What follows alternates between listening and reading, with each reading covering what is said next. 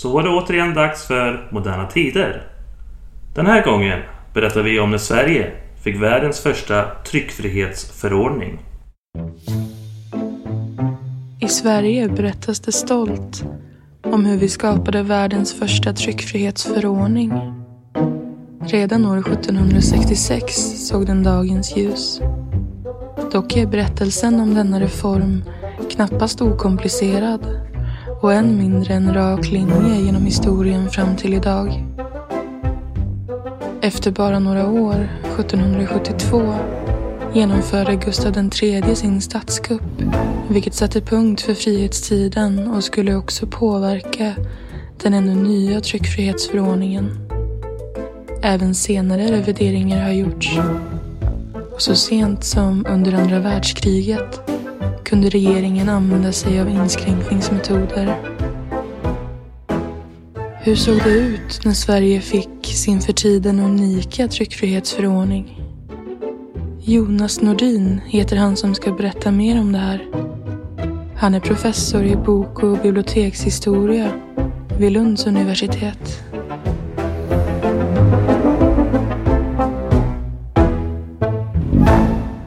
Ja, men då hälsar jag Jonas Nordin eh, välkommen till podden. Tack så mycket. Vi ska ju tala om den svenska tryckfrihetsförordningen idag och eh, kommer väl börja 1766 då, då den första tryckfrihetsförordningen kom till. Och eh, i Sverige så verkar vi ganska stolta över att den uppenbarligen är världens äldsta i sin form. Men det, historien är väl lite mer komplicerad än så som vi nog ska se. Men om vi börjar, hur kom det sig att Sverige fick en tryckfrihetsförordning 1766? Det här är ju då under den epok i Sveriges historia som kallas för frihetstiden eh, och som alltså är infaller mellan Karl XIIs död 1718 och Gustav IIIs statskupp 1772. Och det är ungefär två generationer då Sverige har ett i praktiken republikanskt eh, statsskick där eh, den politiska makten ligger i första hand hos riksrådet och eh, över tid så förskjuts den allt mer också till riksdagen. Men det här betyder då att på riksdagen så, så finns det då åsiktsbrytningar som möts och de här kanaliseras genom två partier som över tid också blir allt mer utmejslade och cementerade. Det, det, det, som från tidigare, från början är ganska lösa intressegrupperingar blir med tiden allt mer utmejslade partier. Och det här blir tydligt framför allt om det sista decenniet av frihetstiden eller från 1755 och framåt ungefär så sker en ganska snabb utveckling och radikalisering. Men det här att man då har ett parlamentariskt styrelseskick där en mängd olika intressen och intressegrupper konkurrerar om makten. Det här gör i sig att man måste ha ett utlopp för olika åsiktsbrytningar. Så att på det sättet så är det här med tryckfrihetsförordningen är eller tryckfrihet överhuvudtaget är ju då en naturlig följd av statsskicket kan man säga. Har du ett statsskick med en enväldig kung, som säg i Danmark, så jag menar, då är det en person som uppbär hela statsapparaten, åtminstone formellt, och då har man inte eh, på samma sätt det behovet av eh, av eh, tryckfrihet. Nu är ju då av en historisk slump så råkar Danmark faktiskt vara det andra landet i världen som får en lagfäst tryckfrihet, vilket sker 1770, alltså några år senare. Eh, men det här är två Eh, två helt från varandra helt separata händelser som är helt olika bakgrunder. Men i Sverige så är, är det alltså, det här är en naturlig följd av en politisk utveckling som har ägt rum under många decennier och egentligen kanske den stora överraskningen är väl att den här tryckfriheten inte har införts tidigare än vad den gör. Eh, man kan säga då att det, alltså det, för, det första förslaget att uh, avskaffa... Det finns ju då i Sverige så finns det formellt en uh, förhandscensur som i, i, sin lagfästa form går tillbaka till 1661. Eh, 1684 så får man ett formellt censorsämbete och då är det, det är den ämbetsman, censor librorum, det är den ämbetsman som upp, uppehåller den offentliga censuren men så det här censursystemet är ju då fastlagt i Sverige som det är i de flesta andra länder. Det första förslaget att avskaffa den här eh, förhandscensuren det läggs på riksdagen redan 1727 av en man som heter Anders Backmansson och är ledamot i borgarståndet, men han är mer känd under sitt namn Nordenkrans som han får då 1743, tror jag det är, när han adlas. Och Anders Nordenkrans han är en av de mest aktiva skriftställarna, framförallt i ekonomiska frågor under 1700-talet eller under frihetstiden. Och blir ändå Eh, eh, med tiden, han, hans politiska partitillhörighet är lite oklar och han vacklar som lite fram och tillbaka, också beroende på att de här partierna inte är utmejslade från början. Men med tiden så blir han framför allt då, så att säga, mösspartiets. Vi har ju de här hattar och mössor, de två politiska partierna och med tiden så blir han allt mer då, så att säga, en partiideolog åt eh, det här mösspartiet. Men han lägger sitt första förslag redan då på riksdagen 1727 att Eh, förhandscensuren borde avskaffas. Och det här tas upp, då, det är hans första riksdag överhuvudtaget och han är ledamot för eh, eh, borgarståndet för staden Sundsvall eh, och är väldigt aktiv på den här riksdagen redan från början. Eh, borgarståndet tar upp det här förslaget och tycker att det här är en ganska intressant tanke. Så att de föreslår också att det här förslaget ska tryckas för att det här är någonting som de gärna då kommunicerar med de andra stånden. Det är ju så då på den svenska fyrståndsriksdagen att beslut fattas i, det, det, genom majoritet i de fyra stånden. Så att ska en, ett lagförslag gå igenom, då måste det ha stöd av tre av de här fyra stånden. Så att, att borgarståndet accepterar ett förslag, ja, då måste de för att det ska gå igenom ha stöd av minst två andra stånd. Men röstades det internt och först också då, inom stånden? Ja, precis. Exakt. Så att det här är ju då, det, det är ju i praktiken en ganska tungrodd och lite svårmanövrerad organisation det här med riksdagen. Att å ena sidan så har du fyra partier och på dem, eller fyra eh, stånd och i de fyra stånden så har du dessutom två eller ibland fler olika partier, för det finns andra också mer eller mindre tillfälliga partigrupperingar. Men så, att, så, så du måste ju då, du, du måste, ja, ditt parti måste verka i fyra olika organ så att säga och sen så är det uppdelat i olika deputationer och annat sånt där också. Så att, riksdagen är en ganska komplicerad men också intrikat och väldigt spännande eh, maktorganisation. Eh, Nåväl, eh, borgarståndet tycker att det här är spännande. Det här förslaget att avskaffa censuren tycker jag är en bra idé. Vill kommunicera det här med de andra stånden och även med medborgarna i stort, så att säga. Så att man föreslår då att det här förslaget ska tryckas.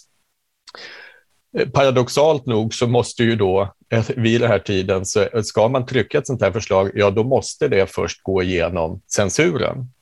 Eh, så att Anders Backmansson, då, Nordenkrans, han lämnar in eh, ett utkast till det här förslaget till Censor Librorum. Eh, och, eh, och han vet inte riktigt hur han ska hantera det här i det läget, så att han vänder sig till sina överordnade som är kanslikollegium. Censor Librorum är en tjänsteman inom kanslikollegium och kanslikollegium är liksom det stora ja, idag skulle vi nästan kunna jämställa med regeringskansliet eller någonting sånt. Det, det är både inrikesdepartement och utrikesdepartement och det är liksom det stora superdepartementet i den tidens kollegiestruktur och det är där då kanslipresidenten är motsvarad en premiärminister i andra länder. Så han går till sina överordnade och säger jag har fått ett förslag här och eh, kan jag trycka det här? Eh, frågar han då och han får ju då det som man nästan skulle kunna, eh, ja det förväntade svaret. För att vad hans överordnade säger är att ja, men så länge man inte trycker någonting som är blasfemiskt eller omstörtande eller ärekränkande, jag menar då, då har man ju inget problem med censuren. Så i den meningen har vi redan tryckfrihet här i landet. Eh, och det är ju det som är ungefär den officiella inställningen till, till eh, censuren och tryckfriheten under väldigt lång, stor del av den här frihetstiden. Men Nordenkrans eller Backmansson då får tillbaka det här, och, men det är ju vare sig ett ja eller ett nej, utan egentligen så säger sensorn till honom att ja, men kom tillbaka då med, med ett eh, utarbetat förslag så ska jag titta på det. Eh, för att Backmansson, det han har skickat in är ett utkast där han säger att det här kommer jag behöva omarbeta. Eh, och då säger sensorn att ja, men skicka in ett färdigt eh, manus så ska, ska jag titta på det nu hör det då till saken att eh, Backmansson här då, han börjar Eh, han är ung och han är ambitiös och han behöver ett jobb så att han söker då i, sam, i, parallellt med det här så söker han ett jobb som konsul i, eh, alltså handelskonsul i, i Lissabon. Och det där jobbet får han sen några månader senare under hösten. Och det är förmodligen därför att det här förslaget, det, det, det, blir, det blir aldrig tryckt och det, det som självdör det här förslaget på något vis. Och det är förmodligen därför att han, ja, men han, han får sin uppmärksamhet riktad åt annat håll och sen så åker han till Lissabon och så är han konsul i Lissabon och i Spanien i ja, det är ett drygt decennium och han är egentligen borta sen från svensk politik i ja, 15 år eller mer. Eh, så att även om man hade de här tankarna väldigt tidigt så de, de liksom dog ut lite. När, när han försvann från det politiska livet i Sverige, ja, men då upphörde de här. Sen så dröjer det då tio år, 1739 på riksdagen, där 38-39, då läggs faktiskt ett till förslag. Då är det en, en eh, ledamot i adelståndet som heter Henning Gyllenborg, Henning Adolf Gyllenborg, som lägger ett förnyat förslag om avskaffad censur. Eh, och eh, det, är också, det läggs fram precis i slutet av riksdagen och det finns inga spår i handlingarna om att det här skulle egentligen tagits upp till diskussion eller annat. Nu hör det ju då till saken också att bara en vecka efter att eh, den här Henning Gyllenborg har lagt det här förslaget så utnämns hans farbror eh, Carl Gustav Gyllenborg till kanslipresident, alltså blir då i praktiken då premiärminister i Sverige.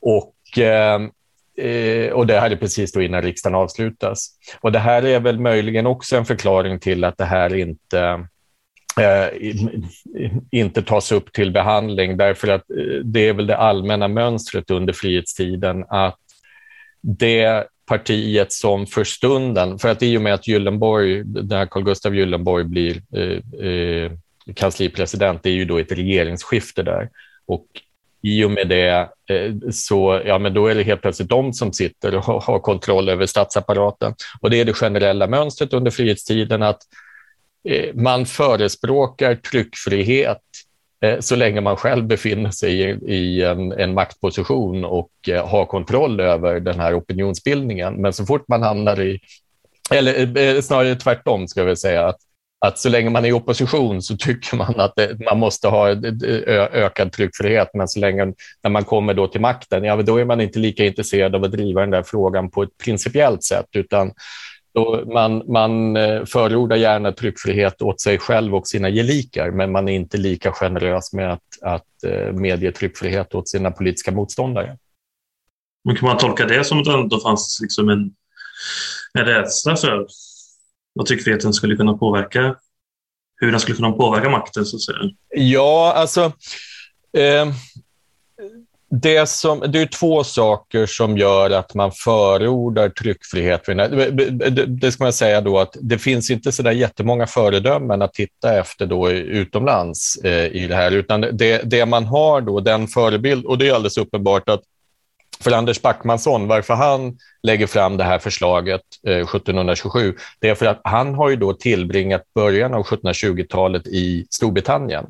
Han har bott i Storbritannien i vad är det, ja, nästan två år, tror jag, och lärt känna det politiska systemet. Han har lärt sig engelska och han läser mycket av de här eh, politiska tidskrifterna som ges ut i Storbritannien. För att vi inledde ju då med att säga att Sverige är det första landet som får en lagfäst tryckfrihet. Eh, I England så har man sedan 1695 en form av tryckfrihet i det eh, på det sättet att man inte har någon förhandscensur. Däremot så finns det inga tydligt utstakade gränser för hur omfattande eller hur långtgående den här tryck och yttrandefriheten är, vilket gör att väldigt många boktryckare fortfarande åtalas eh, under 1700-talet. Men just det här frånvaron av förhandscensur, vilket är då någonting ganska unikt i Europa vid den tiden, den gör att Storbritannien då får eh, den för sin tid mest långtgående så att säga, praktiska tryckfriheten under 1700-talet, även om ganska många boktryckare och författare eh, råkar illa ut eh, även där. Men det, det, som, det som är speciella då med svenska tryckfrihetsförordningen det är att den tydligt definierar det här och det här och det här kan du inte säga, men det här, all, allting som inte tydligt definieras i lagen, det är fritt fram att trycka. Och den tydliga gränsdragningen finns inte i Storbritannien. Men det är därifrån man då hämtar mycket av eh, eh den här inspirationen. Eh, och det har eh, Backmansson Nordenkrans gjort och det har även eh, Henning Adolf Gyllenborg gjort. Därför att den här Carl Gustav Gyllenborg som har varit Hennings eh, förmyndare eh, han har också han har suttit, han har var, också tillbringat Eh, ja, det är också mer än ett decennium i Storbritannien i början av 1700-talet för att han var tjänsteman vid den svenska legationen i London. Och han är också väldigt välbekant med det politiska livet i Storbritannien. Så att det är ju uppenbart att därifrån inspirationen kommer. Ja, men den brittiska erfarenheten har den så jag ändå uppfattats som en positiv erfarenhet då? Ja, eh, och eh, det är också så att, att Storbritannien är det land, eh, under frihetstiden så är Storbritannien det land som i sitt statsskick närmast efterliknar det svenska. Därför att där har man ju också ett parlamentariskt system med partier och åsiktsbrytningar. Eh, och man brottas rätt mycket med samma typ av problem, eh, problem därför att det här med eh, parti, partibildningar och parti, eh, åsiktsbrytningar, det är ju ingenting som man uppfattar som någonting i sig gott eller positivt vid den här tiden, utan det är uppför, alltså man har ju väldigt starkt så här konsensustänkande i politiken eh, och det ideala är att alla ska vara överens. Sen är det ju så i praktiken så funkar ju inte det. Men, men, eh, för det är inte så, eh, så att säga, politiska system ser ut. Men det tar ganska lång tid innan det här med partier som fria staters liv eller åsiktsbrytningar som någonting i sig gott eh, innan den tanken slår rot. Och särskilt då inom de politiska kretsarna. Det finns en sån här föregångsman i, i den brittiska engelska tryckfriheten som eh, eh, som heter John Milton, alltså författaren. Eh, han, han, skriver då i mitten av 1600-talet under den engelska revolutionen så skriver han en eh, pamflett som heter Aeropagitica som hänvisar till, eh, eh ja, gamla, till eh, antikens Grekland.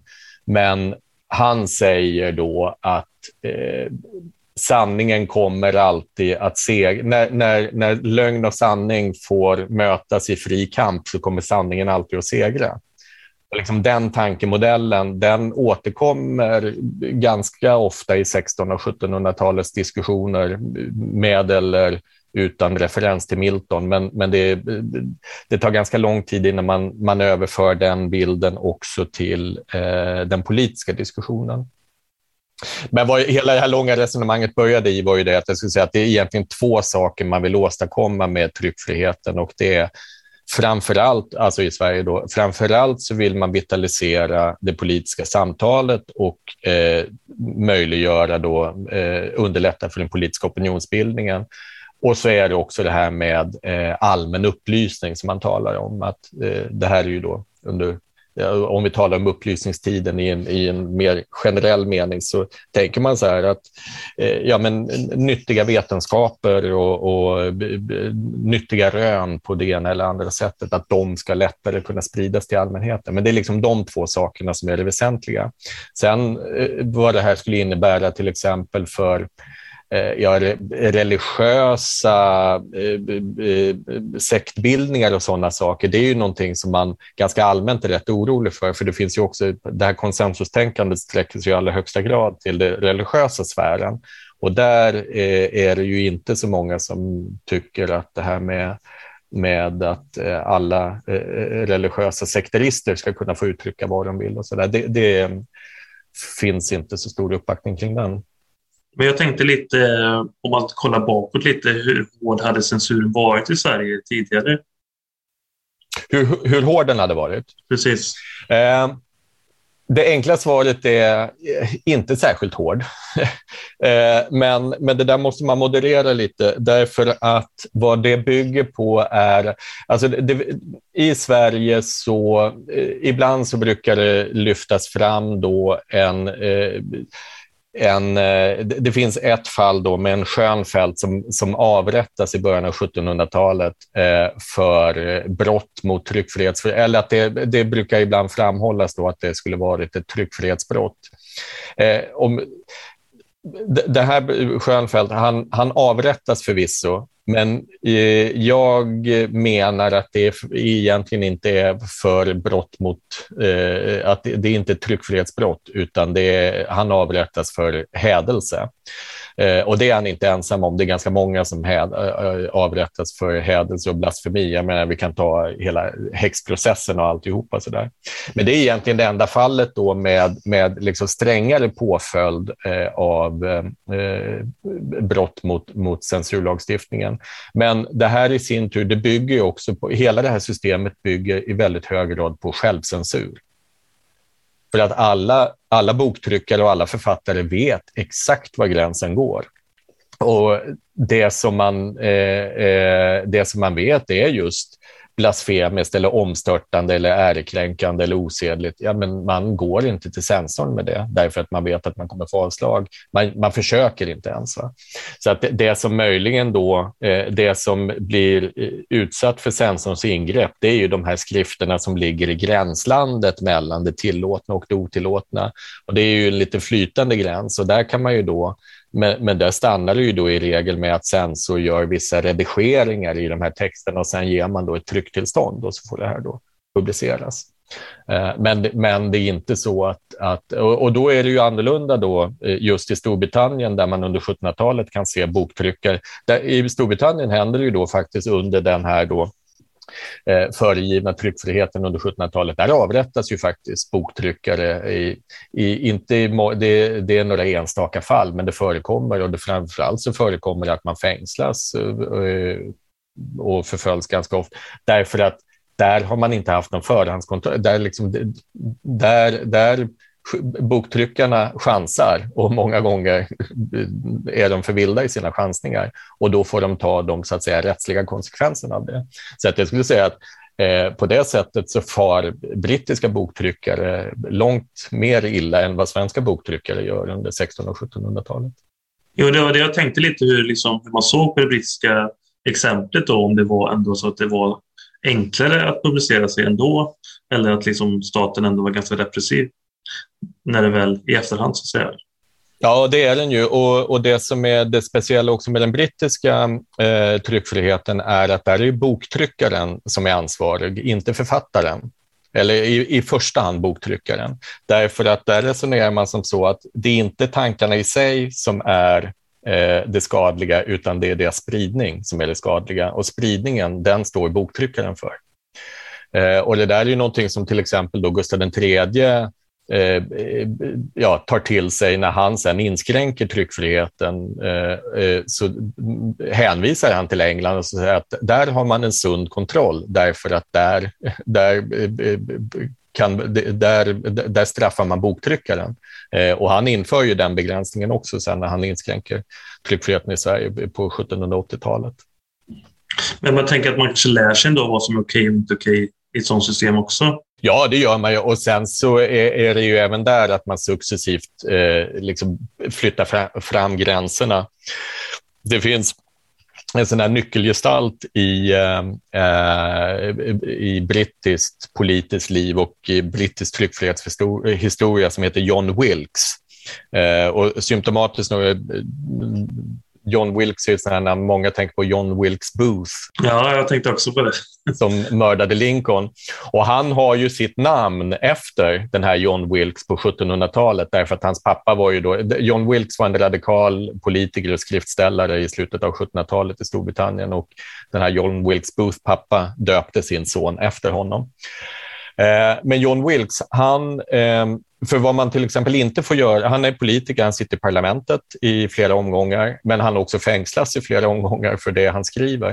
Eh, men vad han gör då i början av 1770-talet, då är alltså några år efter den svenska tryckfrihetsförordningen, det är att han ser till, han, han genom återupprepade utmaningar av den här eh, brittiska, eh, ja, vad ska man säga, repressionen av boktryckare, så ser han till att flytta fram gränserna för vad man får säga om de politiska förhandlingarna. Därför att det är nämligen i Storbritannien så är det förbjudet att rapportera ordagrant vad som har sagts och beslutats i parlamentet.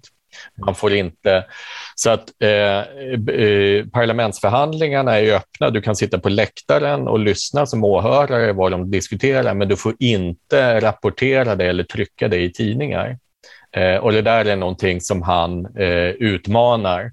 Och eh, går segrande ur den. Eh, han eh, eh, lyckas också då skapa, genom att låta sig fängslas och bli en martyr för den här frågan och, och skapa opinion kring det här och för många åhörare så får han ju då parlamentet och, och, och eh, regeringen att, att lätta på de här bestämmelserna. Så man får liksom en form av, återigen, en sån här praxiseftergift. Och man säger att okej, okay, det är inte formellt tillåtet, men vi kommer inte längre åtala den typen av rapportering.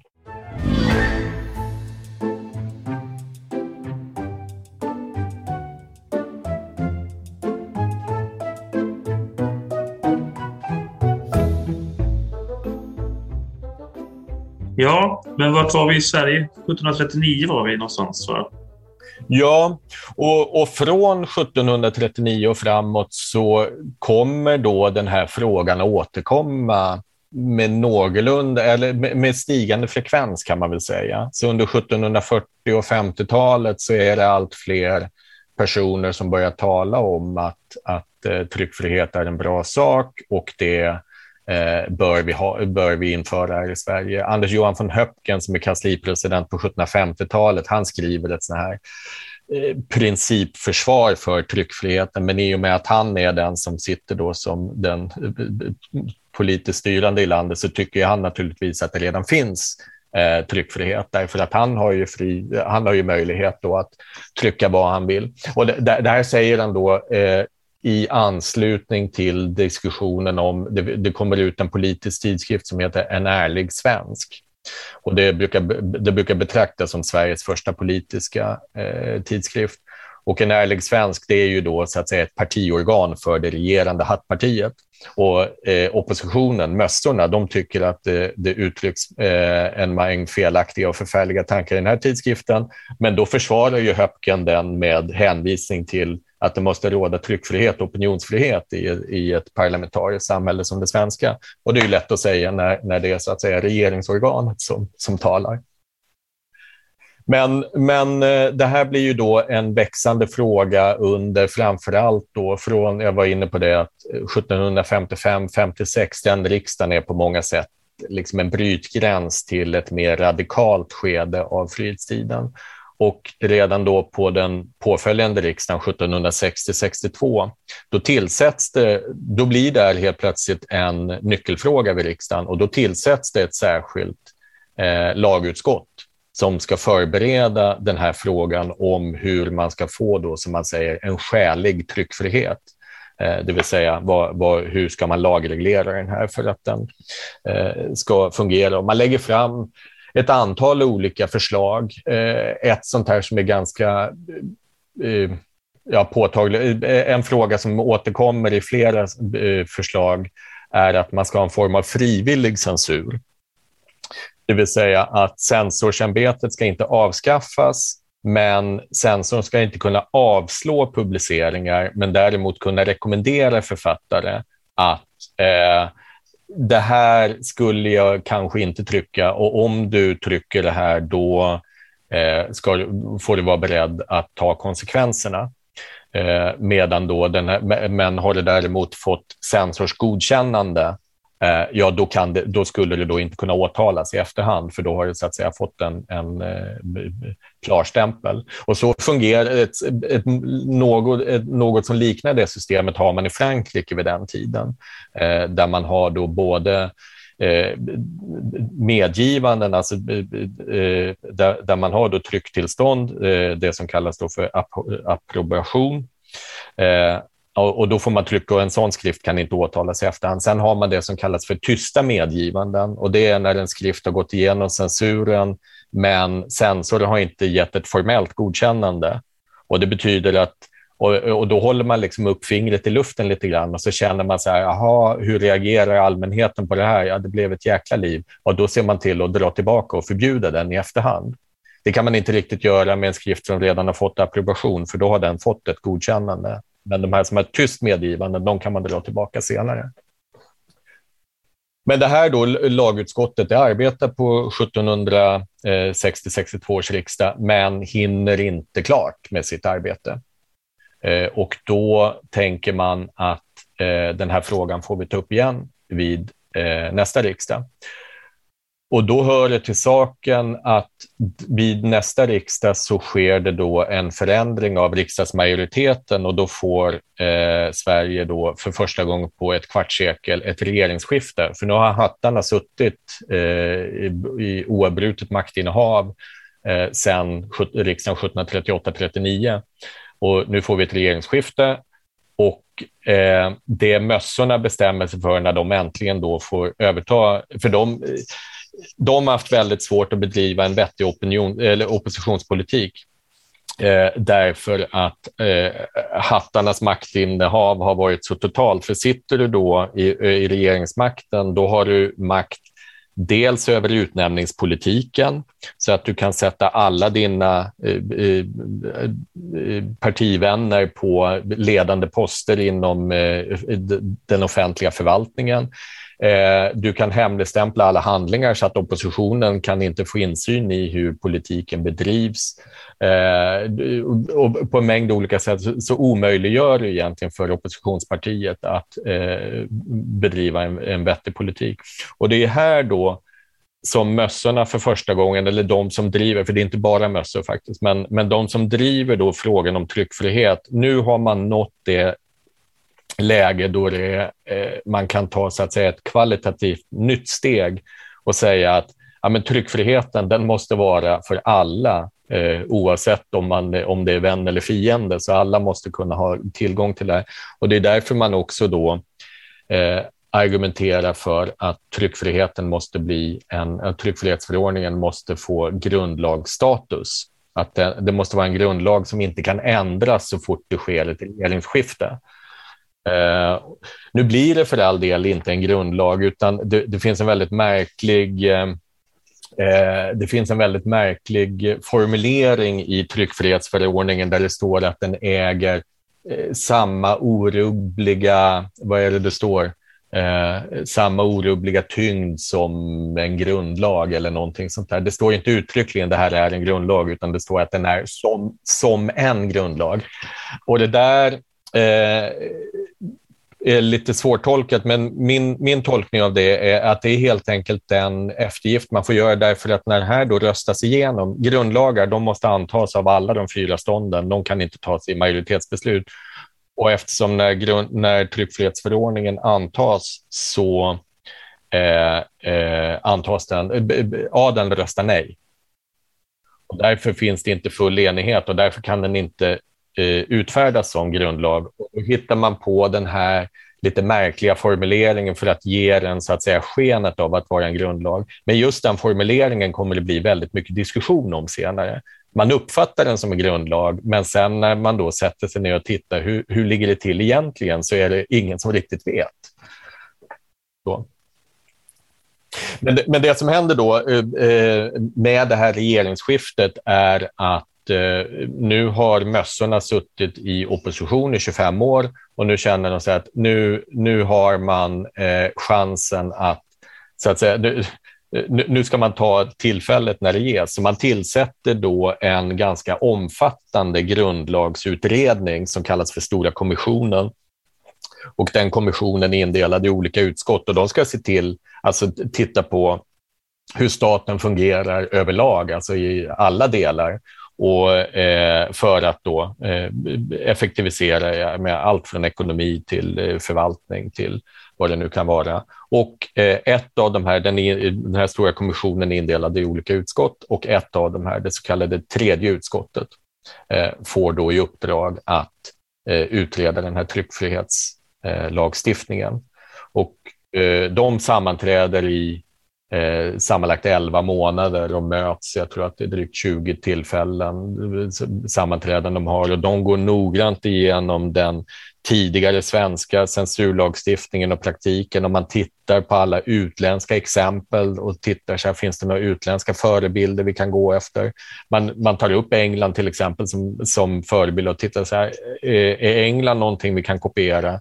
Och då säger man så här, ah, men man har en långtgående tryckfrihet där, men den är inte lagskyddad och det här orsakar en hel del problem. Så det är inte den lösningen vi ska ha, utan då hittar man på då ett på många sätt ganska unikt sätt att organisera det här på. Men hur, hur stort var stödet generellt för, eller fanns det liksom stor politisk, fanns det liksom en politisk kamp kring det här, eller fanns det en stor enighet? För det stod att adeln var emot, men sen fanns det liksom grupperingar inom stånden, sa vi också ju mm. mycket. Alltså, det vi kan veta är eh, riksdagsbeslut då som nu... Eh, riksdagsbesluten fattas på ungefär samma sätt på 1700-talet som idag, nämligen att det huvudsakliga arbetet det bedrivs inom utskotten. Sen så när det går ner idag, när, när utskotten har berett en fråga Eh, och det går ner till kammaren för omröstning, då är, så att säga, då är, då är debatten redan avklarad. För det förberedelsearbetet och förankringen den har skett i utskotten och kammaromröstningen är egentligen bara en, en, en ja, det, det är bara en formalitet. Och så är det då även under, under 1700-talet att utskotten de bereder en fråga, sen så tar man upp det till ståndens plenum, eh, eller ståndets plenum eh, och eh, där röstar då igenom. Men, men där, har ju de, eh, där finns ju inte samma expertis och så där. Ibland kan det bli diskussioner om de här enskilda frågorna, men många gånger så kommer ju då en färdigbehandlad fråga från utskottet och den, den bara exekveras då i, i ståndet, ståndets plenum. Så att det vi har, eh, eh, vi kan följa då genom protokollen och det här är ju då det fina med, med den, de här eh, riksdagsförvaltningen och, och den gamla arkivhållningen i Sverige, att vi, vi, kan ju följa mycket av de här diskussionerna i detalj därför att de flesta av de arkivhandlingarna finns ju bevarade. Och eh, vi kan ju se eh, hur den här frågan stöts och blöts i tredje utskottet om man prövar alla tankar liksom fram och tillbaka. Var, varenda formulering vägs ju på guldvåg och man testar, ja, men om vi gör så här då istället, ja, men då får det de här konsekvenserna. Ja, men okej, okay, då får vi göra så här. Så att det är en väldigt noggrann, eh, noggrant förberedd lag det här. Eh, där, och där, finns det, där kan man ju se hur åsiktsbrytningarna går. Och, där är ju ganska, och den här är ju sammansatt och det är 16 ledamöter, eh, blir det väl. Nej, 15 är de väl. Det, det är tre eh, bönder, tre borgare, tre präster och sex adelsmän. Så det är representanter från alla fyra stånden, men det är dubbelt så många adelsmän då som eh, de har sex ledamöter istället för tre. Bönderna och borgarna, eh, de är ganska eh, de, de är positivt inställda till det här redan från början eh, och tänker att ja, men det här, de, de har så att säga siktet inställt. Där det uppstår liksom diskussion och tänker så här, ja, men är det här verkligen så himla bra i alla delar? Det är ju inom adeln och prästeståndet. Och då brukar jag säga så här att en av dem, den som eh, många gånger då eh, symbolgestalten för den här tryckfrihetsförordningen, det är ju en ledamot i prästeståndet och i den här, eh, det här utskottet som heter Anders Chydenius. Och Anders Chydenius är, är en ung kaplan från Österbotten. Kaplan är ju då en lägre prästtjänsteman och det, det, det, det är liksom den lä, lägsta eh, präst, eh, det, det lägsta stadiet i den prästerliga hierarkin där du kan vara riksdagsledamot. Och det är hans första riksdag, så han är ganska oerfaren eh, riksdagsman, men han har suttit hemma i sin hembygd i Österbotten och tänkt många storslagna tankar. Han, han är ju sen i efterhand också inte minst berömd för sina nationalekonomiska tankar som, som ju, eh, han förordar ju någon sån här form av laissez-faire liberalism som ju sen då är ganska framåtsyftande. Och, och han blir sen också en, en eh, eh förespråkare för eh, ökad religionsfrihet och andra sådana saker. Och han allmänt sett en, en ganska liberal gestalt. Och Anders Chydenius, han, han är den som kanske eh, i inledningen av det här utskottets arbete är allra mest aktiv och han har med sig ett förslag eh, på hur eh, ett utkast till en tryckfrihetsförordning redan när man sätter igång det här arbetet. Och, eh, det utkastet antas ju inte i alla delar, men eh, stora delar av det som finns i hans förslag kommer också med i den färdiga tryckfrihetsförordningen. Han är dock inte med och driva den här tryckfrihetsförordningen i hamn därför att han blir utesluten ur ståndet eh, mitt under riksdagen därför att han röstar emot. Han är ju då mösspolitiker, men han röstar emot mössornas finansplan eh, och då utesluter de honom i ståndet. Så han får liksom inte följa den här vare sig frågan eller riksdagen till, till slut. Så, att, så han är liksom inte med i, i hela processen, men han är en drivande gestalt.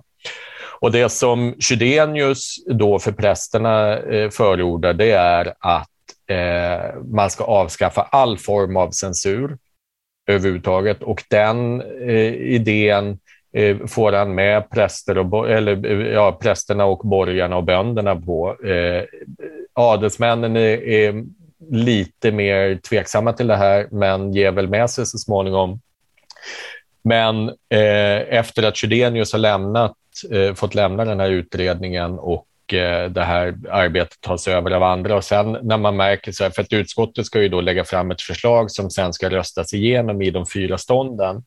Och där märker man när man ska försöka förankra det här beslutet att det här kommer aldrig röstas igenom i prästeståndet om vi avskaffar all form av förhandscensur. Så att man gör ju ett undantag i den antagna tryckfrihetsförordningen för eh, religiösa frågor. Så att där behåller man förhandscensuren. Då hör det ju till saken att det här, jag har ju pratat om det här bokcensorn, censor librorum.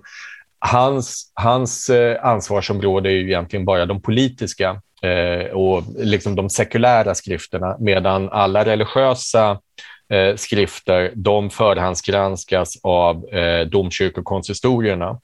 Och Eh, alla, eh, allt som ges ut vid universiteten eh, förhandsgranskas också av universitetskonsistorierna. Så alltså, det finns lite andra censurinstanser också för vissa, typ, vissa litteraturgenrer, så att säga. Men man har sett, man, man förstår att det här kommer aldrig kunna röstas igenom i presseståndet om eh, vi inte behåller något av den här religiösa kontrollen. Så, att den här, man, eh, så det är den eftergift man tvingas göra. Eh, att eh, presseståndet får bibehålla sin kontroll över det som sägs i religiösa frågor, vilket sen kommer orsaka en hel del diskussion de efterföljande åren. Därför att om man då till exempel diskuterar prästeståndets privilegier. Är det en religiös fråga eller är det en politisk fråga? Eh, och de allra flesta då är samtidigt menar att det är en politisk fråga vad prästerna har för löner eller hur, de ska upp, eh, hur deras ämbetsutövning ska skötas och sådana saker. Men, men det finns ett, en gräns, ett gränsdragningsproblem där som eh, kommer att orsaka en del diskussion. Så att, men, men sen då med, de, med, de, eh, när den här frågan är, med de eftergifterna och när den här frågan är färdigförberedd i utskottet, då röstas ju det här igenom utan större debatt i eh, ståndens plena eh, under hösten då, 1766. Och det sker väl då under oktober, september, oktober, har jag för mig att de här omröstningarna sker. Sen så måste ju alla lagar Eh, Eh, för att vinna rättslig kraft. För, för att vinna lagerkraft så måste de undertecknas av kungen formellt. Och det undertecknandet äger rum då först den 2 december och det är ju då formellt eh, tryckfrihetsförordningens födelsedag.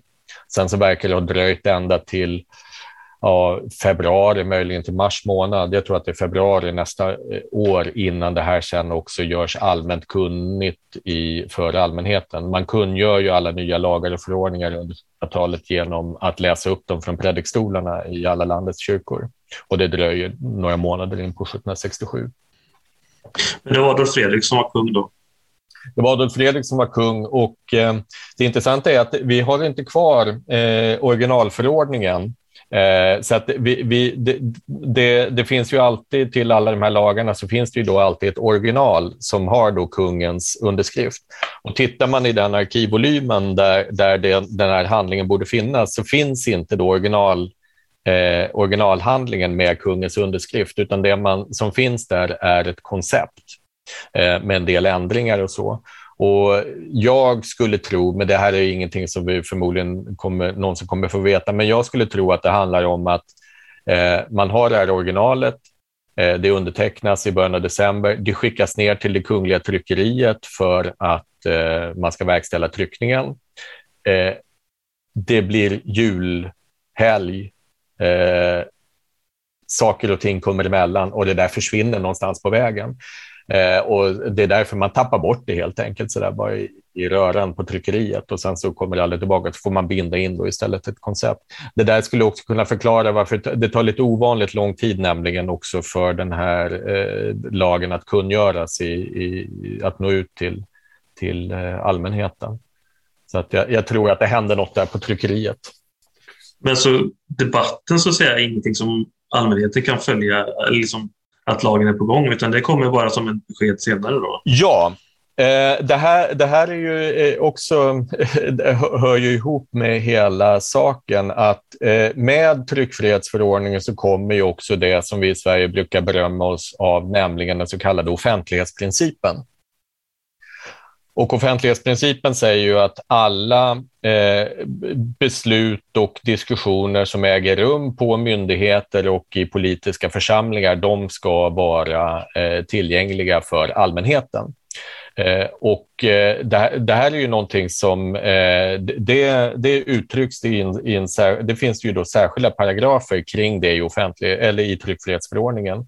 Och det är ju många forskare, jag inräknade, som menar att det är egentligen är offentlighetsprincipen som är det centrala med tryckfrihetsförordningen och det är det som också är, är särskilt unikt i samtiden.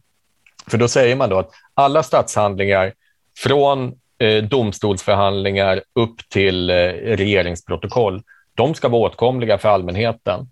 Eh, det ska inte vara statshemligheter. Eh, man gör endast undantag då för eh, hemliga handlingar som berör Sveriges förhållande till, eh, till främmande makt och en del sådana här sekretessundantag undantag som vi fortfarande har idag i, i eh, offentlighetslagstiftningen. Men det här är ju någonting för sin tid helt unikt därför att Ehm, det här med, riksdagen är ju till exempel inte ett offentligt organ utan det är ju en korporation som så att säga företräder de olika stånden. Eh, och det som sägs, eh, riksdagsmännen de sammanträder under tystnadsed. Eh, de får inte yppa utanför stånden vad som har sagts på, eh, i deras förhandlingar. Men helt plötsligt, så man har ingen inblick i, utan man väljer ju då, stånden kommer överens om att det här och det här och det här vill vi berätta om vår verksamhet. Men, men eh, man, man, man får egentligen inte föra ut de här protokollen utan det är som statshemligheter. Och nu blir de här helt plötsligt tillgängliga för alla. Och inte bara så att de är åtkomliga att läsa utan de är dessutom då eh, tillåtna att trycka. Och det är faktiskt nästan så att eh, det är nästan tvång på, om du begär ut en allmän handling så har du också så att säga skyldigheten att offentliggöra den. Eh, det är inte så att eh, folk ska gå upp och läsa bara för sitt eget höga nöjes skull, utan det ska vara någon nytta med det hela, nämligen då att man ska föra ut det till allmänheten. Så att på det sättet är offentlighetsprincipen är målet och tryckfriheten är medlet, så att säga, att nyttiggöra den här offentligheten. Men hade det förts protokoll och sånt då tidigare, eller blev det också ett krav som förstärktes då? Utskottsmöten och sånt?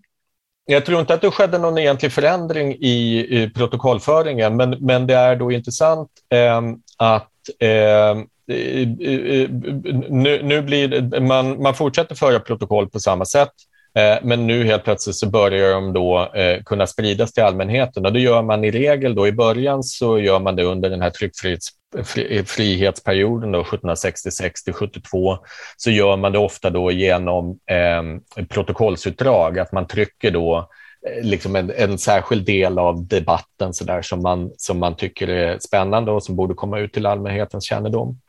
Det som händer sen då, eh, Gustav III gör ju en statskupp 1772, eh, avslutar det här fridstida statsskicket eh, och eh, avskaffa då formellt alla, lagar, eh, alla, alla grundlagar som har antagits efter 1680 är avskaffade i, i ett penndrag.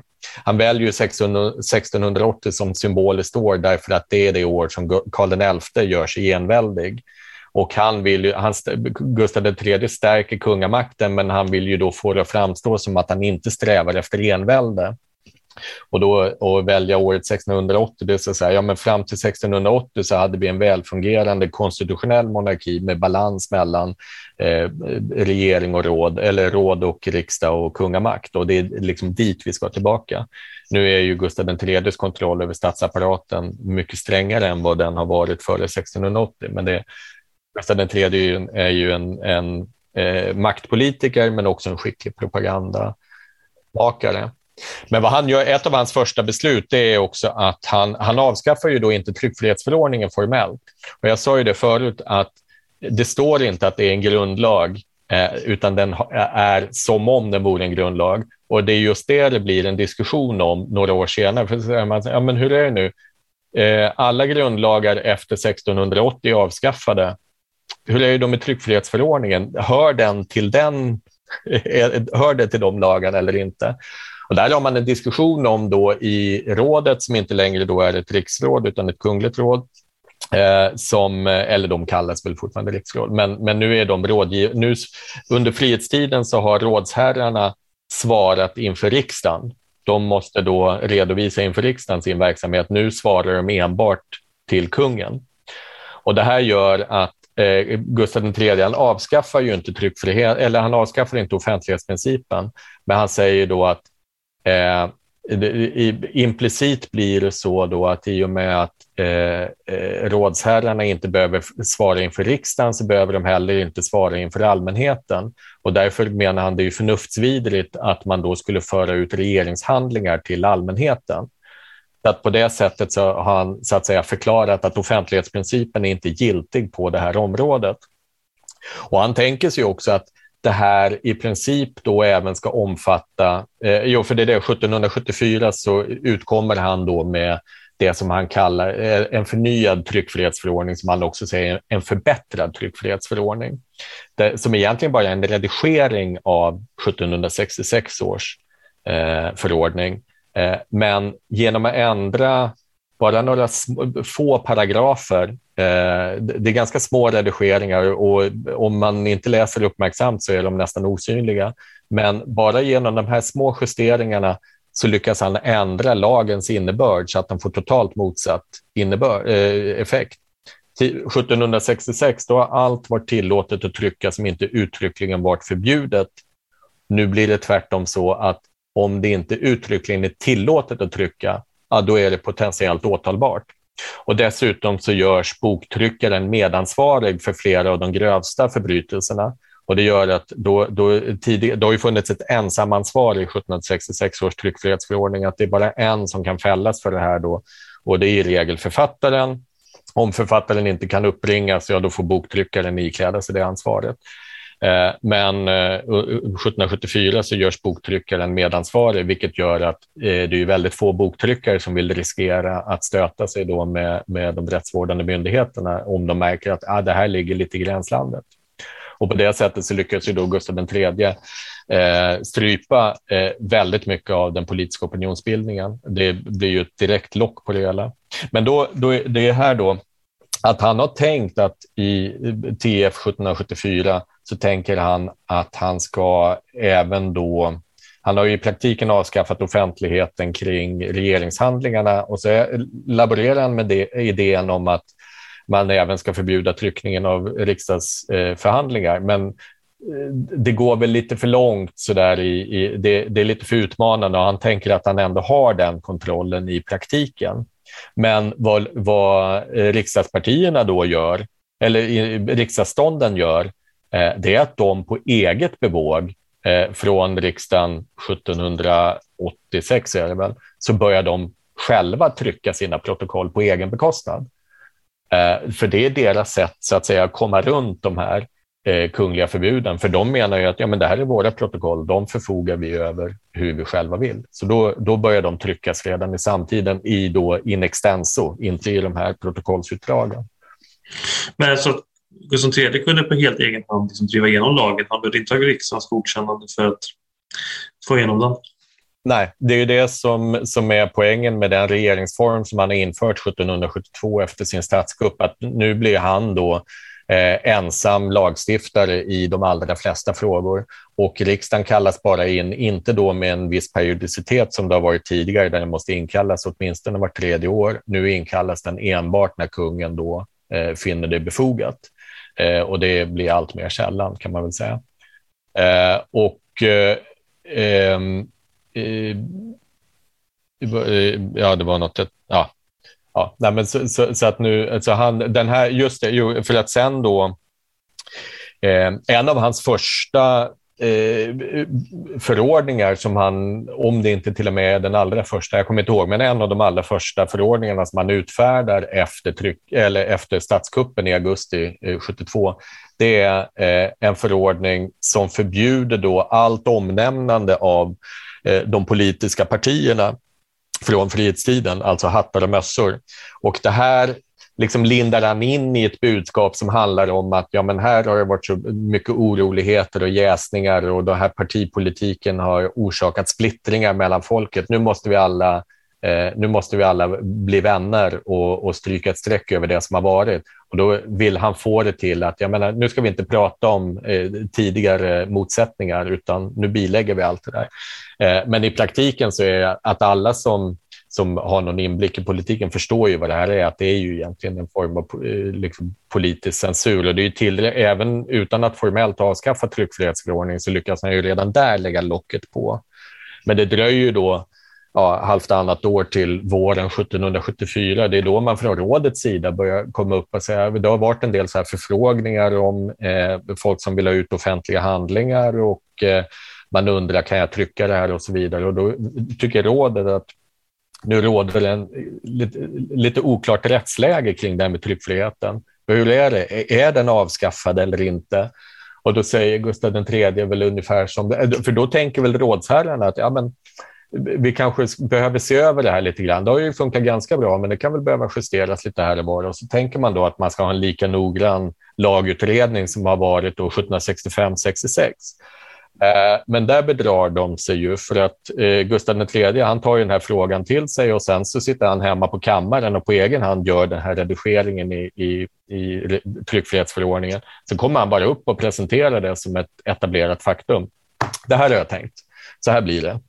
Och sen så väver han in det hela. Han har då det, eh, en så kallad diktamen till rådsprotokollet där han håller ett så principiellt tal om hur storslaget det är med tryckfrihet och att det är han eh, framhåller ju det här som en av de kanske populäraste lagarna från frihetstiden. Eller den, han nämner inte frihet, utan han talar om den föregående epoken eller något sånt här. Eh, och han, för han vet ju att det, det, skulle sticka eh, alldeles för mycket i ögonen om man bara helt skulle avskaffa det här. Så att han kallar det istället för en förbättrad tryckfrihetsförordning, men som ju i, i, i själva verket då är ett ganska subtilt eh, maktinstrument. Ja, för hur märks liksom skillnaden i praktiken då? För när den första gången införs 1766, hur märker man liksom eh, vad blir resultatet liksom på kort sikt i samhället? Man märker det omedelbart i eh, den politiska opinionsbildningen. Det, det sätt som man eh, eh för politisk debatt under den här tiden, det är ju genom pamfletter i sakfrågor. Och de har under lång tid har de producerats eh, och spritts i handskrift, vilket får liksom en begränsad spridningseffekt. Men eh, allt mer då börjar man övergå också till att eh, sprida dem i tryckt form.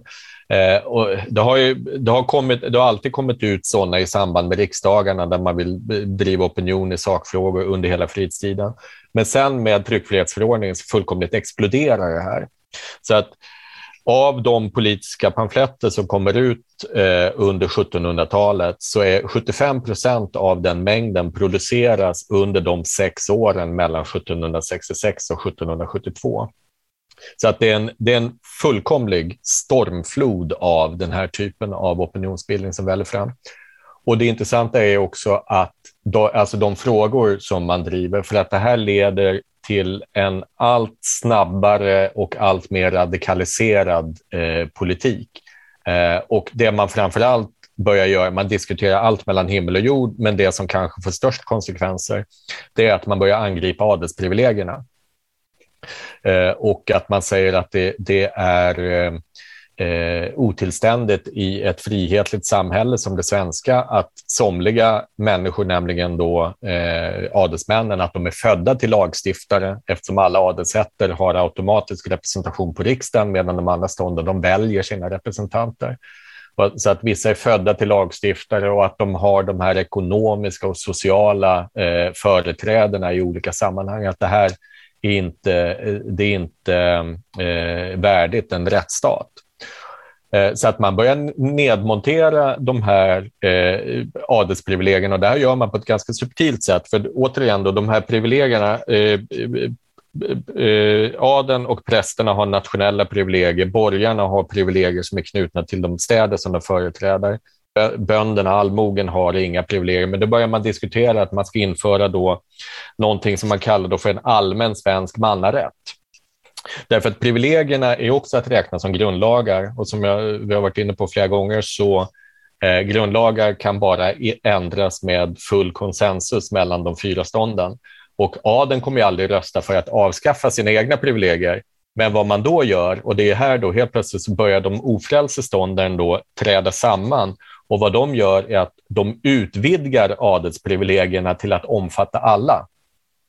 För att det som är eh, allmänt omfattade privilegier, eller eh, privilegier som omfattar alla, är inte längre privilegier, utan då är det en allmän lag. Eh, så att om adeln har haft ensamrätt att köpa vissa, in, eh, köpa vissa jordtyper till exempel, eh, viss typ av jord har varit reserverad för adeln, men då säger man så här, alla får köpa den jorden. Det är inte längre ett, en, ett adligt privilegium. Så där. Och då har man så att säga gjort den det undantaget eh, ogiltigt. Och det där gör man på punkt efter punkt. Och det som eh, ja, kanske är viktigast är väl det också när man börjar tala om, det finns då en, en officiell rangordning i Sverige med, eh, man delar in alla Eh, offentliga ämbeten i vissa rangklasser så vet man och så är den jämförbar med den militära rangordningen och då vet man så att en, ja, en president i hovrätten motsvarar i rang en överste i armén och liksom sådana där saker. Och att det är väl ett 40-tal eh, rangklasser. Och då så säger man att eller då har det varit som så att de här, eh, i den här rangordningen, så de elva högsta rangklasserna, eller de elva högsta ämbetena, eh, eh, de ämbetena i de elva högsta rangklasserna, de har varit reserverade åt adeln. Så det är bara en adelsman som kan bli då till exempel president i hovrätten. Eh, fastän det kan finnas en ofrälse som har samma juridiska skolning och samma erfarenhet och så, men han kan då formellt inte bli eh, eh, hovrättspresident. Och då avskaffar man den, den begränsningen och säger att alla ämbeten är öppna för alla eh, medborgare. Och det här eh, och det, den, det är en förändring som man har genomfört. Eh, men eh, Eh, så att i princip så, så har adelns ensamrätt till ämbetena, den har ju då blivit redundant. Eh, men det tar ju ett tag från det att man instiftar, man gör en lagändring till att den också omsätts i praktiken. Och det där, det, tar, det dröjer fram till sommaren 1772 eh, då det här ska prövas för första gången. Då, då jag för mig att det är en vicepresidentpost i Åbo hovrätt. Eh, och där man då ska, när man ska välja när man ska välja en ny vicepresident för hovrätten i Åbo så, så utnämner man en adelsman före en mer meriterad ofrälse kandidat. Och då så säger, och då, det här väcker ju då protester och säger att det här går emot eh, den nya lagstiftningen.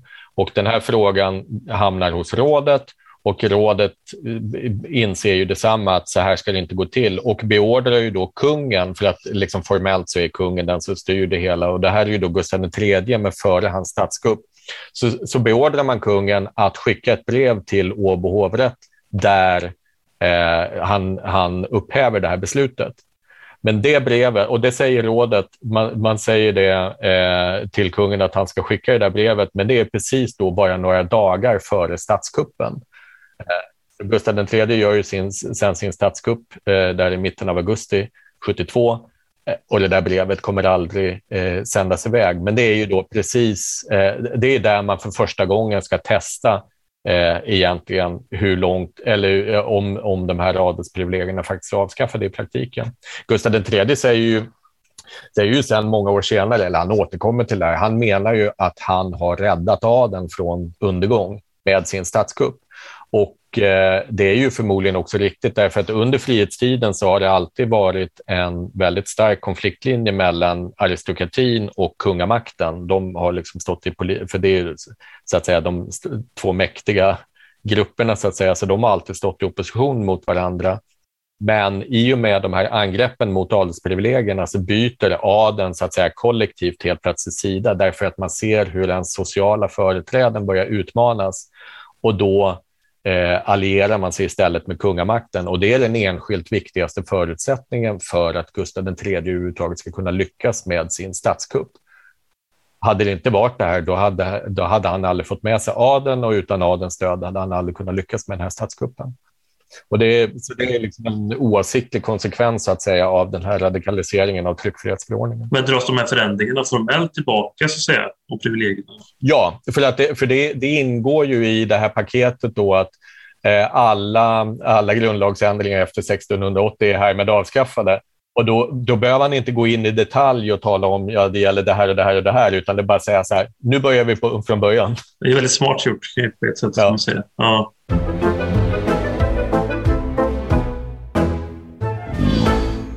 Men sen så mördades Gustav III 1792 och eh, det blir ett nytt styre igen kan man väl säga. Mm.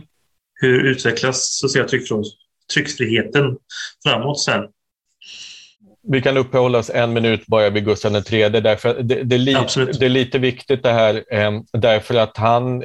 Ja, jag gjorde en, en studie av det här för några år sedan och det visade sig att tittar man i svenska läroböcker och på en hel del annat, det finns en olycklig utbredd uppfattning om att Gustav III skulle ha infört tryckfrihet i Sverige. Ja. Eh, när han i själva verket avskaffade det hela. Men det är för att man, man, man fortfarande in idag så reproduceras Gustav IIIs egen propagandabild av hans eh, frisinne och, och, och, hans liberala inställning. Men, men det är total propagandabild.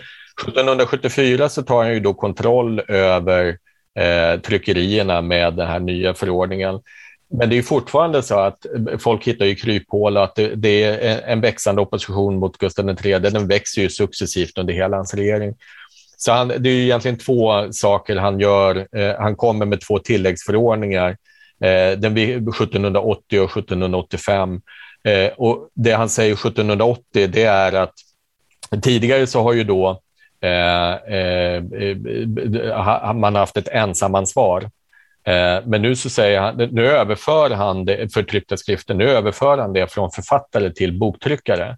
Så han säger att boktryckarna är den som är ansvarig för det som sprids i tryckta skrifter och det hänvisar han till England. Så för att England är ju lite så här frihetens fyrbåk för många. Och så man här, ja men där funkar ju England.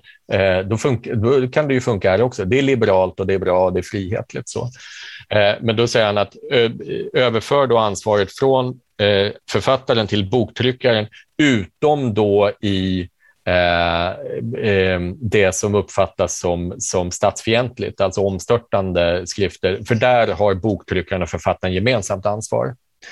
Eh, men på det sättet så lyckas han då skärpa till eh, den här kontrollen som, som då inte har varit hundraprocentig tidigare.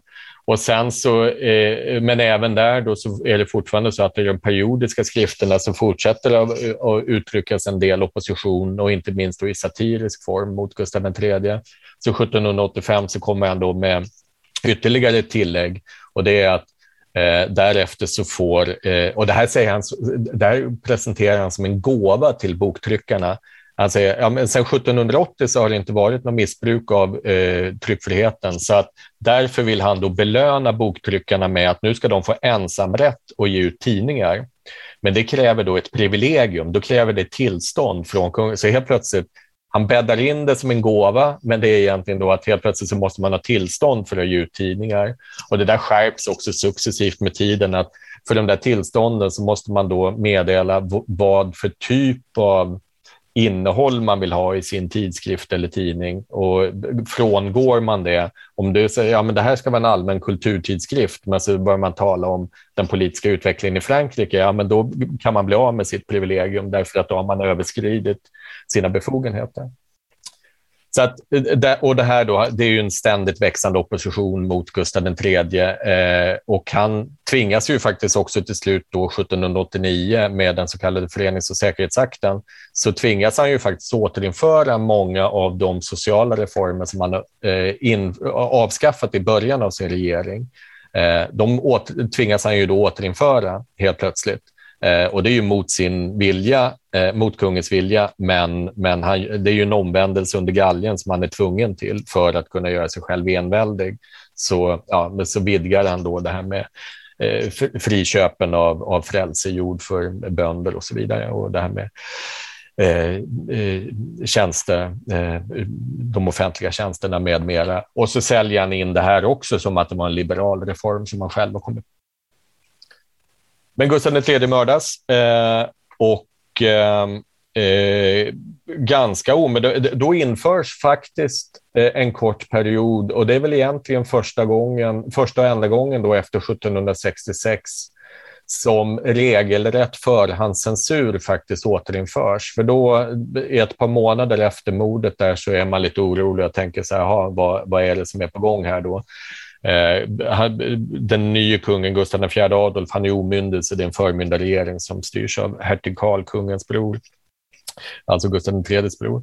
Eh, och eh, de, man inför då tillfälligt en eh, förhandscensur, eh, men den avskaffas efter ett par månader.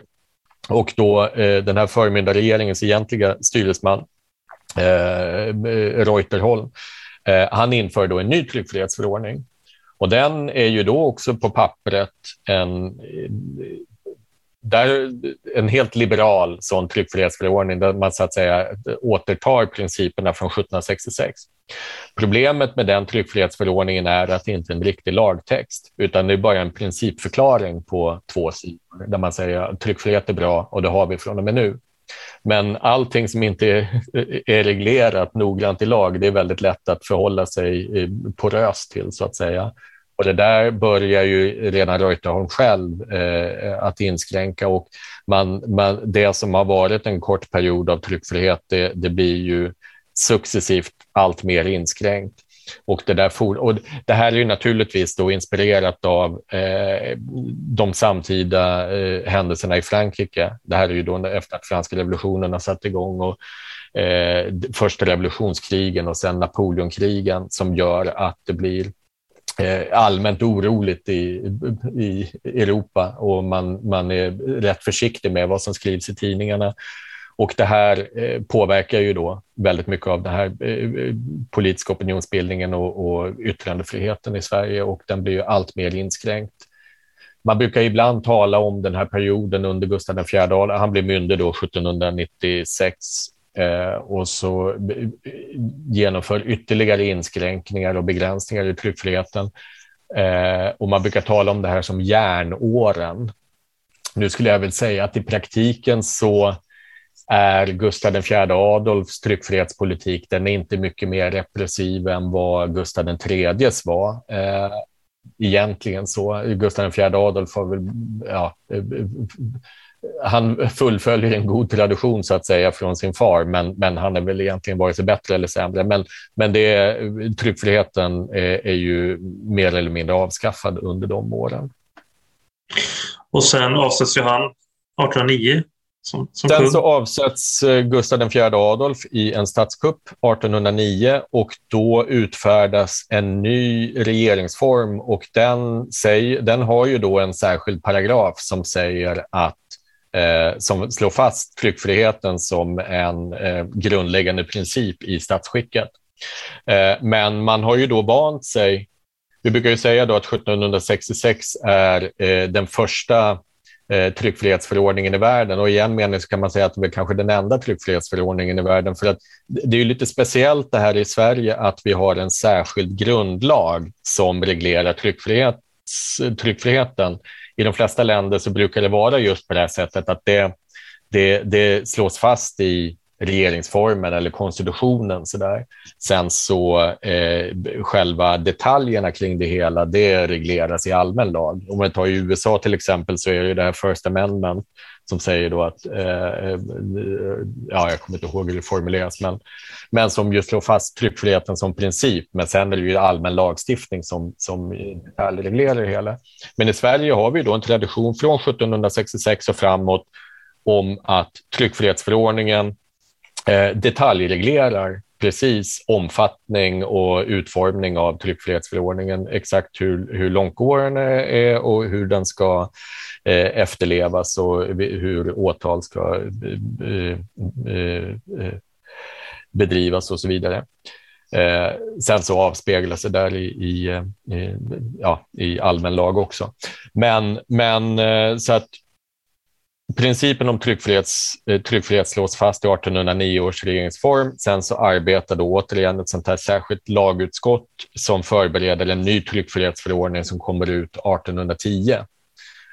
Eh, och den, är väl lite, den bygger vidare på en hel del av principerna från 1766, eh, bland annat det här med ensamansvar och, och det här med ansvarig utgivare kommer, eh, som är lite så här speciell svensk eh, konstruktion, kommer uppträda vid den tiden. Och eh, ja, exklusivitetsprincipen, att det bara är det, de tydliga brott mot de stipulerade undantagen i, i tryckfrihetsförordningen som är åtalbara. I övrigt så går alla skrifter fria och så där. Så det finns en spårbundenhet där. Eh, vi får också den första svenska upphovsrättslagstiftningen skrivs in i 1810 års tryckfrihetsförordning. Den i sin tur, den, den är faktiskt bara i kraft i två år, för att sedan 1812 så redigeras den i någon och det sker vissa inskränkningar i den eh, förordningen 1812 eh, som gör att man till exempel genom olika typer av administrativa ingrepp kan förhindra distributionen av skrifter som man uppfattar som omstörtande och det är det som sen Karl XIV Johan använder, den här så kallade indragningsmakten som ju blir berömd. Och den indragningsmakten eh, lever ju kvar in till 1840-talet och den avskaffas. Och sen så är ju då den här 1812 års tryckfrihetsförordning eh, giltig fram ända fram till 1949. Så det är den som används också under eh, andra världskriget. Ja, jag tänkte precis. Ja, som, som i övrigt då så att säga är liksom lågvattenmärket i svensk modern tryckfrihetspolitik. För där gör man ju då faktiskt en hel del eh, ingrepp och åtgärder som, som till dels faktiskt är rent grundlagsstridiga. Och det, bland annat gör man det genom att återuppväcka en del eh, paragrafer i 1812 års tryckfrihetsförordning som tidigare då lagkloka har ansett vara obsoleta. Att de här är inte längre giltiga, men man, man letar fram en del sådana här gamla förordningar. Det, det, som är, det som väl är det, det mest flagranta och mest eh, använda ingreppet som man använde under andra världskriget, det är att det finns en eh, paragraf som säger att eh, statsmakten kan konfiskera en eh, skrift som eh, angriper då tredje makt, en främmande makt, efter protest från den, eh, från den främmande makten. Eh, och det är det man använder då i särskilt hög grad i Sverige under andra världskriget. Och man drar in eh, framförallt då, eh, tysk eh, kritiska tidningar eh, för att man är rädd att det här ska reta då, eh, naziregimen. Men där gör man man gör I början så gör man det efter påstötningar från Nazityskland, men med tiden så börjar man dra in dem även innan de här påstötningarna har framförts, för att man liksom föregår ett, eh, eh, en, eh, ett eventuellt ingripande. Så att säga. Men fanns det någon konsekvens i det där? Eller, liksom, eller vet jag inte hur mycket det skrevs liksom, kritik mot de allierade. Drog man in det också så att säga? Eller var man mest? Ja, det, det, får, det får konsekvenser för att, och det här är ju någonting, det, det ska man säga att den här eh, då ingreppen mot, mot pressen under, under kriget, det är ju ändå, det, på ett sätt är på många sätt är den ju ändå begriplig skulle jag vilja säga för att det, det, är, man, man vet, man, man tror, man är rädd att det här är någonting som faktiskt kan provocera fram ett anfall mot Sverige från andra parten, företrädesvis då Nazityskland är ju det man är mest rädd för. Det är ju inte av ideologisk övertygelse att, eh, utan det är att man, man vill hålla Sverige utanför kriget. Men, och, och det, det är tydligt att så fort så att säga det här tänkta strypgreppet, tyska strypgreppet kring Sverige upphör efter Stalingrad när, när den tyska krigslyckan vänder eller åtminstone den, man förstår att Tyskland kommer förlora kriget, då upphör man nästan i ett slag med alla de här ingreppen. Eh, så att, för då känner man inte längre det här tvånget på sig. Men redan där då så under kriget så känner man den här ruelsen och att tänka så här, ah, det kanske har gått lite för långt i ingrepp mot, jag menar om, om nu de här demokratiska fri och rättigheterna som vi ska försvara, om vi själva upphäver dem, så ja, men då var det ju inte mycket värt. Ehm, så att man tillsätter ju då faktiskt redan under kriget, redan 1944 tillsätts den eh, grundlagsutredning som ska förnya tryckfrihetsreformen för att se till att det här inte kan upprepas. Så att de, den utredningen den börjar jobba 44. De har väl något förslag där färdigt ehm, eh, strax efter kriget och det antas då så som svenska grundlagar antas i två på varandra följande riksdagsbeslut. Det sista då 1949 och den eh, tryckfrihetsförordningen från 1949 det är ju den som är giltig idag. Och som ju också har, som ju också har eh, flera drag kvar från 1766 års tryckfrihetsförordning. Så det har ju varit då lite av så att säga, riktmärket i all svensk tryckfrihetslagstiftning eh, därefter, antingen positivt eller negativt. så att säga. Men har den någon typ av inskränkning i till exempel krigstid eller någonting sådant? Nej, det, det är ju det den egentligen inte riktigt har. Eh, det finns ju samma, eh, alltså det fanns eh, så här då, den stora förändringen. Jag, jag, sa ju tidigare då att 1766 års tryckfrihetsförordning, den eh, eh, har ju förhandscensur i religiösa frågor och så, så, finns det ytterligare tre områden som är eh, åtalbara eh, om man går över gränsen. Och det är dels då omstörtande idéer, det är dels ärekränkningar och så är det rena osedligheter. Eh, och alla de där, om vi tittar på den moderna tryckfrihetslagstiftningen i Sverige, alltså det, är, det är långt över, om du tittar, läser tryckfrihetsförordningen så är den är ganska detaljerad i sin brottskatalog och det är långt över hundra eh, olika, eh, eh, olika, typer av, av eh, eh, frågor som potentiellt kan vara åtalbara. Men de faller inom tre av de här områdena allihopa, nämligen omstörtande idéer, ärekränkande och osedligheter. Jag menar, osedlighet är lite ett gränsfall för det finns det som kallas då, eh, till exempel så barnpornografi eh, är ju undantaget och det är frågan om man ska betrakta det som osedlighet eller eh, annan typ av brottslighet eller så. Men, men så, så, finns det också det som kallas för olaga våldsskildring som är egentligen viss typ av våldspornografi och så där. Man kan eventuellt sortera det där under. Men annars då, det som har försvunnit, det är ju blasfemi. Därför att eh, det kan inte åtalas i... Eh, hädelse är inte längre ett åtalbart brott i svensk tryckfrihetslagstiftning, men det är däremot, det finns begränsningar för vad du kan säga om, om eh, sånt som kan hota rikets säkerhet eller störa den allmänna ordningen. Och även då för eh, ärekränkningar och finns det ju undantag. Och det är, när tryckfrihetslagstiftningen tillämpas idag så är det ju företrädesvis, skulle jag säga, i ärekränkningsmål. Eh, det är väl det som är, är, är liksom det vanligaste. Ja. Eh, är det något mer du vill tillägga? Eller nu har vi dragit en ganska lång historia kronologiskt.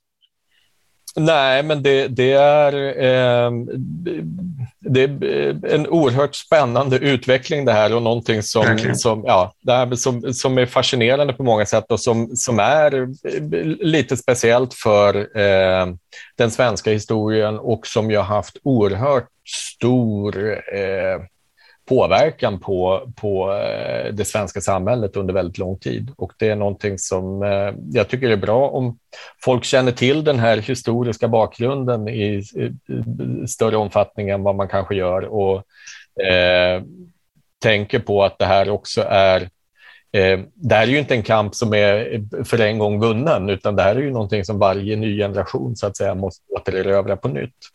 Det finns ju en poäng, det här också med att, att studera historien kring det här, eh, finns det en poäng när vi jämför med nutid och det är ju hur man ser på det offentliga samtalet. Därför att vi, vi står ju idag inför en sån här brytpunkt i medieutvecklingen med de sociala medierna och den digitala kommunikationen och så. Det är många som känner sig så att säga, det är lite att marken gungar under fötterna om man tycker att det, det sägs massa saker som inte borde sägas. Eh, och precis samma reaktioner väckte ju den första tryckfrihetsförordningen, eh, alltså på 1760-talet, när man började angripa inte bara adelsprivilegierna som sådana utan även enskilda adelsmän hängdes ut och så där. Det var ju många som tyckte att det där var ju förfärligt och att så här kan man ju inte ha det. Eh, och att det införde en oanständighet i det offentliga samtalet som ju måste begränsas. Så på det sättet var det ju många som tyckte att det var ju toppen när Gustav III inskränkte tryckfriheten för att då fick man äntligen lite lugn och ro. Eh, men det där kanske man ska vara, man ska tänka sig noga för och vad det får för konsekvenser när man gör inskränkningar i eh, det offentliga samtalet. Det måste vara en levande, en levande diskussion hela tiden. I allra högsta grad, mm. ja. Men då tackar dig, Jonas Nordin, för ett intressant samtal. Mm, tack. Du har hört ett avsnitt av Moderna Tider. Gäst var Jonas Nordin. Programledare Stefan Hjalmarsson. Klippning och ljudmix av Radio Melland. Speaker Matilda Säv.